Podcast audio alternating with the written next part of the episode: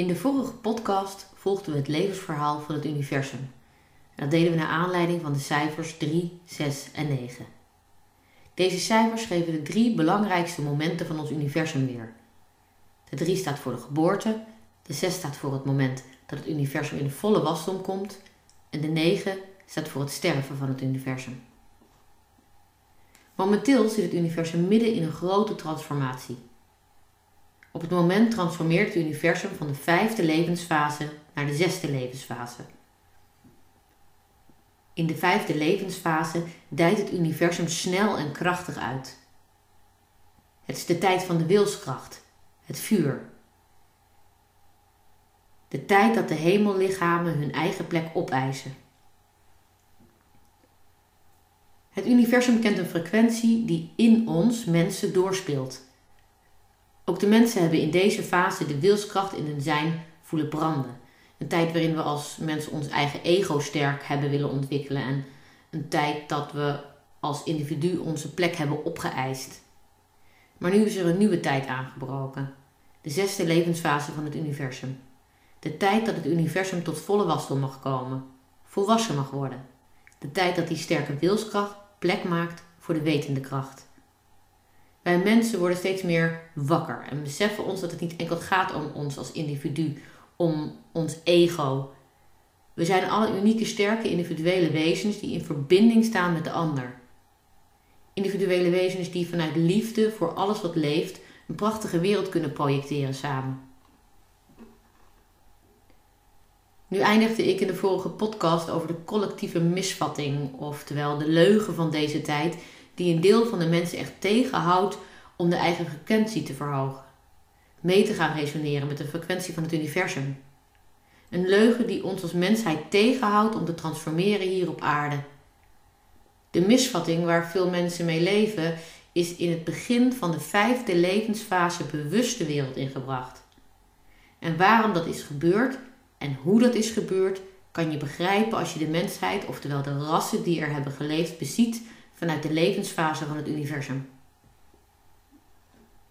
Het universum kent negen levensfasen en in elke levensfase verhoogt het universum de frequentie. Zo kent het universum ook negen rassen.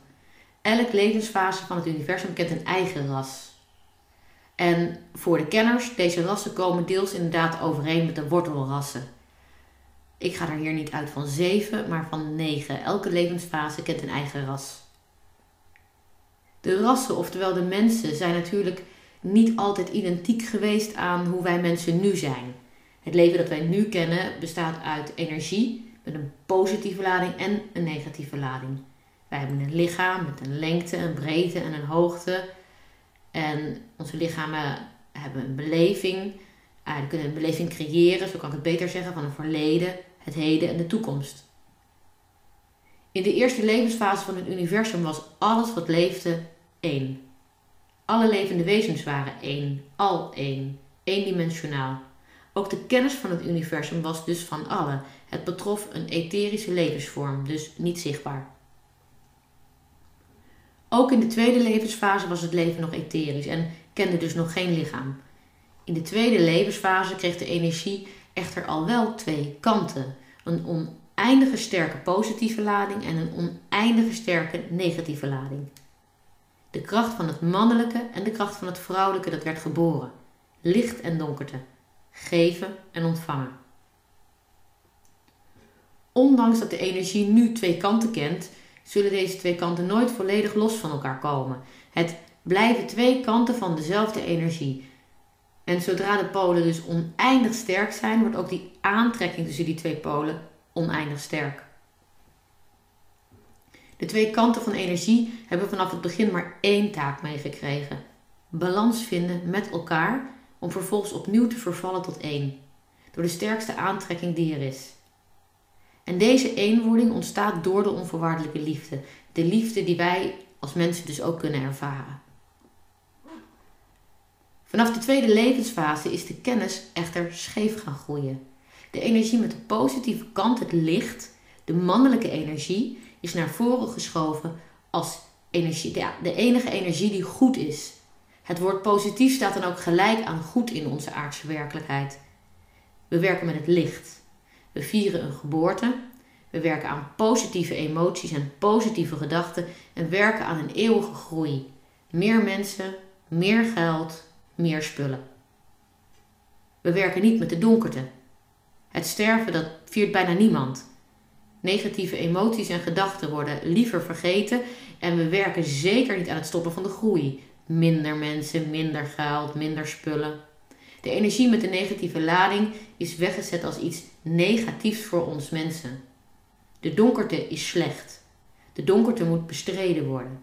Er wordt gezegd dat we moeten werken met het licht, dus lichtwerkers moeten zijn. Die energie met die negatieve lading is vaak weggezet als de duivel, Satan, zwart, donker.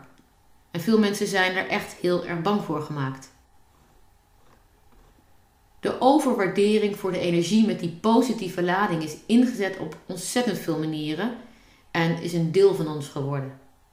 Er zijn bijvoorbeeld heel veel instituties die het oorspronkelijke scheppingsverhaal zo hebben aangepast dat het lijkt dat de energie met een negatieve lading onderdanig moet zijn aan de energie met de positieve lading. Neem bijvoorbeeld het christendom. Het is toch een van de grootste godsdiensten die we hier hebben op aarde. In het christendom zijn meerdere scheppingsverhalen die de ronde doen. Maar het meest gebruikte scheppingsverhaal is het verhaal van Adam en Eva. We hebben God, het man in de hemel, een hemel vol wit licht met witte engelen. De man, het licht, wit, allemaal uitingen van de energie met positieve lading. En God maakte een man, Adam, wederom een uiting van de energie met positieve lading. En om de man te dienen, maakte God de vrouw uit de rib van de man. De vrouw, de uiting van de energie met een negatieve lading, kwam dus voort uit het mannelijke en werd onderdanig. Er kwam daarom ook een verhaal over goed en kwaad. Het goede, dat is het licht, en het kwaad, dat is de donkerte. Er kwam een hemel, er kwam een hel, en de hemel is licht en de hel is donker. Maar het christendom is niet de enige die hier aan heeft meegewerkt. Er zijn ontzettend veel voorbeelden te, voorbeelden te noemen. En um, ik maak zelf heel graag gebruik van symbolen. Zo zit er enorm veel wijsheid in the seed of life, the flower of life en the fruit of life. Velen van jullie zullen die kennen. En als je deze niet kent, kan je bijvoorbeeld de seed of life opzoeken op het net, uh, zodat je er een beeld van kan vormen. Het is een prachtig symbool bestaande uit meerdere cirkels. En als je op YouTube gaat kijken, dan zijn er ook tal van filmpjes over te vinden. En in die filmpjes kan je zien hoe de seed of life, het zaadje van het leven, ontstaat. En ze geven ook tips hoe je de seed of life zelf kan tekenen. En vaak wordt erbij verteld dat het heel helend is om te doen. Maar het verbaast mij persoonlijk nog steeds dat ik geen enkel filmpje kan vinden die de energie met de positieve en negatieve lading op de juiste wijze in beeld brengt. Die het ontstaan van de seed of life uh, op de juiste manier in beeld brengt. Wat je ziet in al die filmpjes is exact hetzelfde verhaal als dat wat er in het christendom wordt verteld. Er is een energie met een positieve lading en die maakt een volledige cirkel. Uit deze cirkel ontstaat er een nieuwe cirkel. En zo gaat dat door totdat er een volledige seed of life ontstaat.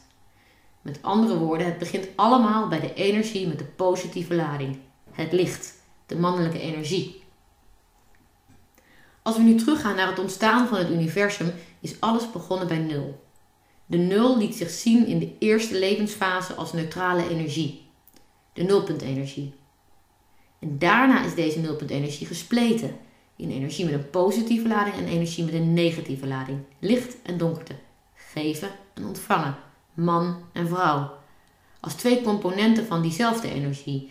En sterker nog, het zijn twee geliefden die een eigen pad hebben gekozen om zich later weer tot één te laten versmelten. Al oneindig lang zijn er mensen die het ware verhaal van de energie willen vertellen. En in het christendom hebben we ook het scheppingsverhaal van Adam en Lilith. Adam en Lilith worden op hetzelfde moment gemaakt uit de stof van de aarde. Geheel gelijkwaardig als geliefden in het paradijs. Maar laten we eerlijk zijn, wie kent het verhaal van Lilith? En hoe kan het dat Lilith later terugkomt in de Joodse mythologie als een demonisch figuur? Als we nu naar die Seed of Life kijken, kunnen we deze ook geheel anders tekenen. We beginnen bijvoorbeeld bij de punt. En vanuit deze punt ontstaan er tegelijkertijd twee exact tegenovergestelde cirkels. Het mannelijke en het vrouwelijke. De twee kanten van de energie ontstaan exact op hetzelfde moment en blijven voor altijd verbonden. Wat duidelijk is, is dat er mensen zijn geweest die het ware verhaal hebben verborgen.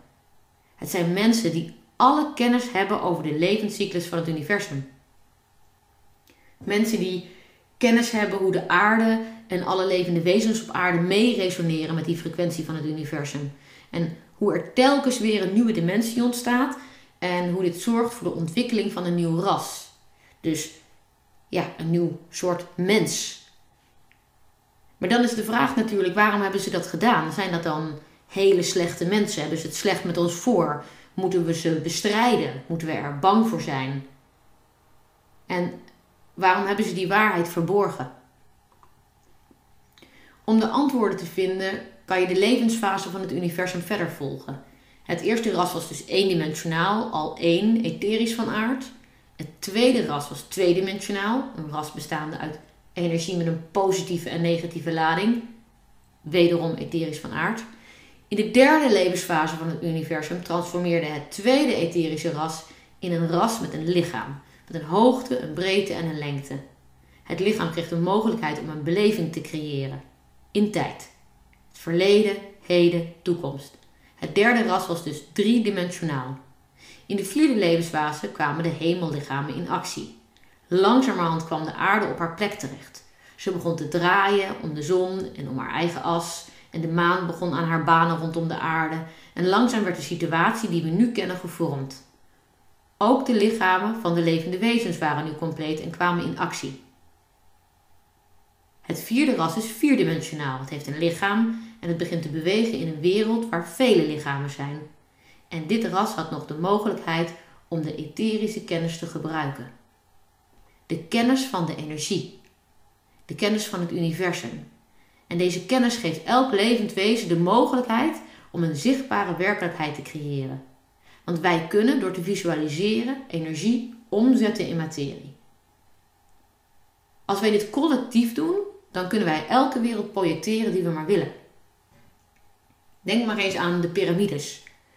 Bouwwerken waarvan men zegt dat die onmogelijk door menskracht gemaakt kunnen zijn. En wetenschappers blijven maar hun hoofd buigen over al dit soort bouwwerken. Want zelfs met al onze techniek van nu is het echt heel erg moeilijk om dit te bouwen. Dus hoe hebben mensen dit gedaan? Het antwoord is dat zij mensen waren van vlees en bloed, net als jij en ik, maar met de kennis van het universum, met de kennis van de energie. Zij hadden de kennis um, van de vrije energie en hoe je die om kan zetten in materie. Zij kenden de kracht van de visualisatie, van de fantasie, van de creatie. Zij kenden de kracht van het collectief. Het bundelen van deze kracht, zodat er co-creatie kon ontstaan, waar ze alle mogelijke fantasieën werkelijkheid mee konden maken. Het vierde ras had een lichaam, maar had nog alle kennis van het universum, alle kennis van de energie. En iedereen had deze kennis. Iedereen was gelijkwaardig en zo werkten de mensen als een collectief. Enkel als collectief konden ze overleven. Dit ras leerde langzaam hoe de materie werkte en vergat daarbij stap voor stap de kennis van de vrije energie die aan de wieg staat van de materie.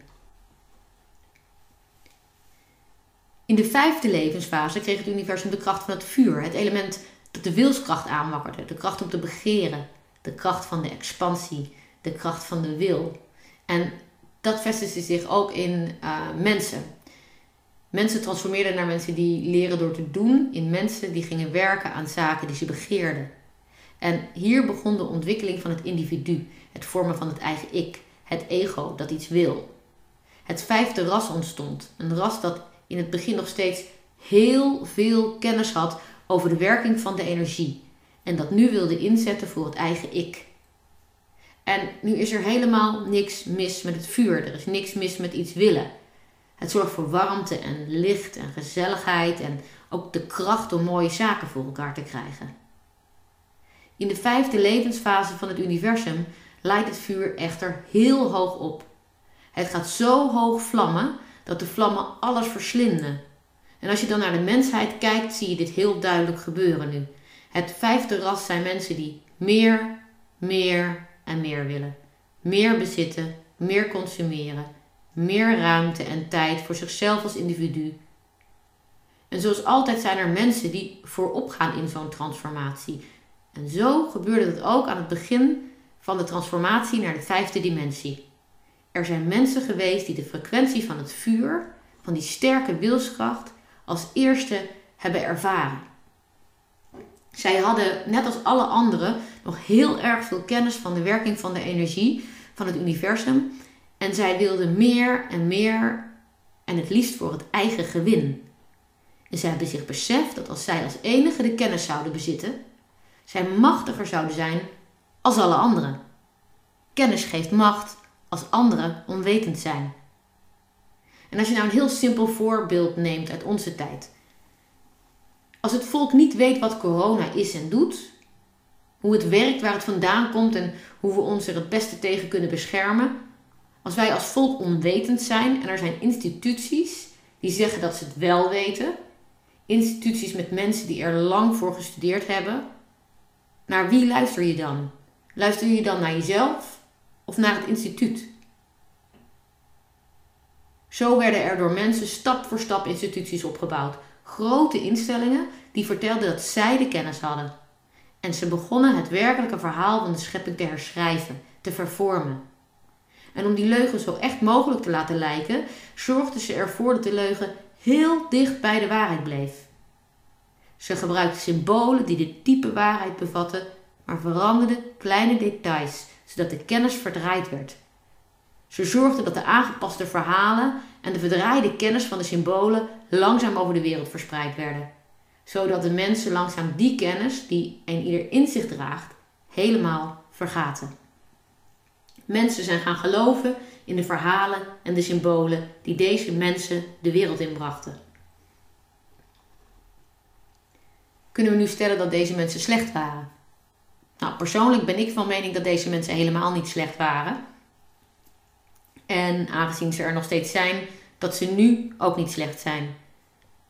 Deze mensen voelden echt als eerste het vuur. Zij transformeerden mee met het universum en konden het sterke vuur niet stoppen. Hun drang naar meer heeft ze overheerst. De kracht van het universum is heel sterk en dit vuur was gewoon veel sterker dan deze mensen. Zij zijn niet slecht. Ze zijn een reactie. Een reactie op de frequentie van het universum. Maar hoe hebben ze de mensen in een leugen doen laten geloven? En wat is dan die leugen? Kijk, om dit te begrijpen kunnen we gewoon naar de dag van vandaag kijken. We hebben overal reclame. Er worden producten aangeprezen die we vervolgens willen hebben. Er worden belevingen aangeprijsd die we daarna graag willen beleven. Reizen, vakanties. Er worden prachtige visualisaties gebruikt, want ze weten wat de kracht van visualisatie is. Denk maar terug aan die, dat eerste lichamelijke ras dat piramides kon bouwen door dit collectief te visualiseren. Deze mensen weten dat als wij als volk collectief visualiseren dat wij grotere huizen willen, grotere auto's, meer gemak en lange reizen, dat we deze werkelijkheid dan laten ontstaan. Zo worden stelselmatig dromen in ons zijn geplaatst als het ware. En we vergeten onze eigen dromen. Daar is eigenlijk gewoon geen plek meer voor. We vergeten de dromen die we met al onze geliefden willen maken. We vergeten ze en lopen achter de dromen aan van andere mensen. Mensen die er veel geld mee verdienen en er macht en status aan lenen. En dan kan je je natuurlijk afvragen hoe het kan dat we daar met zoveel mensen intrappen. Maar het antwoord is echt heel simpel. Mensen ervaren de frequentie van het universum. Wij voelen allemaal het vuur de wilskracht, de kracht van het begeren. Enkel begeren we nu niet meer wat we zelf willen, maar we begeren wat andere mensen in ons zijn gaan prenten. Door het gebruik van kleuren, klanken, geuren, smaken, tast wordt er een droom neergezet. En vervolgens wordt ons voorgespiegeld hoe wij een onderdeel zijn van deze droom. We worden door exact de juiste zintuigelijke prikkels voor ons gevoel al in die vakantiestoel neergezet. We zien onszelf al spelen met die nieuwste telefoon. In ons zijn is de droom al echt. En dan, dan willen we er alles aan doen om deze droom te realiseren. Dan is de vraag of we echt alles daarvoor willen doen. Nou, we werken 24/7, ook met kinderen, Um, vaak beide ouders. Kinderen brengen we dan naar een opvang. Veel mensen hebben stress, uh, blijven consumeren. We buiten onze aarde uit, we zien haar sterven en toch gaan we door. We zetten kinderarbeid in, putten het land uit in de armste landen en dat doen we dan doen we eigenlijk allemaal aan mee. We eten de aarde op en laten haar sterven. En dat is de enige plek waar wij in deze menselijke vorm dan kunnen leven. We vernielen ons eigen huis. Dus ja, we doen wel heel veel om onze begeerte naar deze voor ons bedachte dromen na te streven. Maar niet alles. Dan is er wederom een vraag. De vraag hoe we weer onze eigen dromen kunnen maken. Hoe we de kennis weer terug kunnen krijgen en als collectief een gezonde aarde voor alles wat leeft kunnen vormen. Het eerste antwoord daarop is dat dit helemaal vanzelf gaat. Het universum is begonnen aan haar zesde levensfase. En in deze levensfase wordt het universum volwassen. Wij transformeren mee. Wij worden als mensheid ook volwassen. Wij transformeren in een nieuw ras. We gaan steeds meer inzien dat wij niet enkel een individu zijn, maar dat we een eenheid zijn van leven. We gaan steeds meer zien dat we voor onszelf en al het leven onze verantwoordelijkheid willen nemen. De tijd van het grote weten is aangebroken. En geen mens kan dit tegenhouden. Het universum en de frequentie waarin het universum nu komt, is zoveel sterker dan jij of ik. Dus of we nu willen of niet, die transformatie zet gewoon door.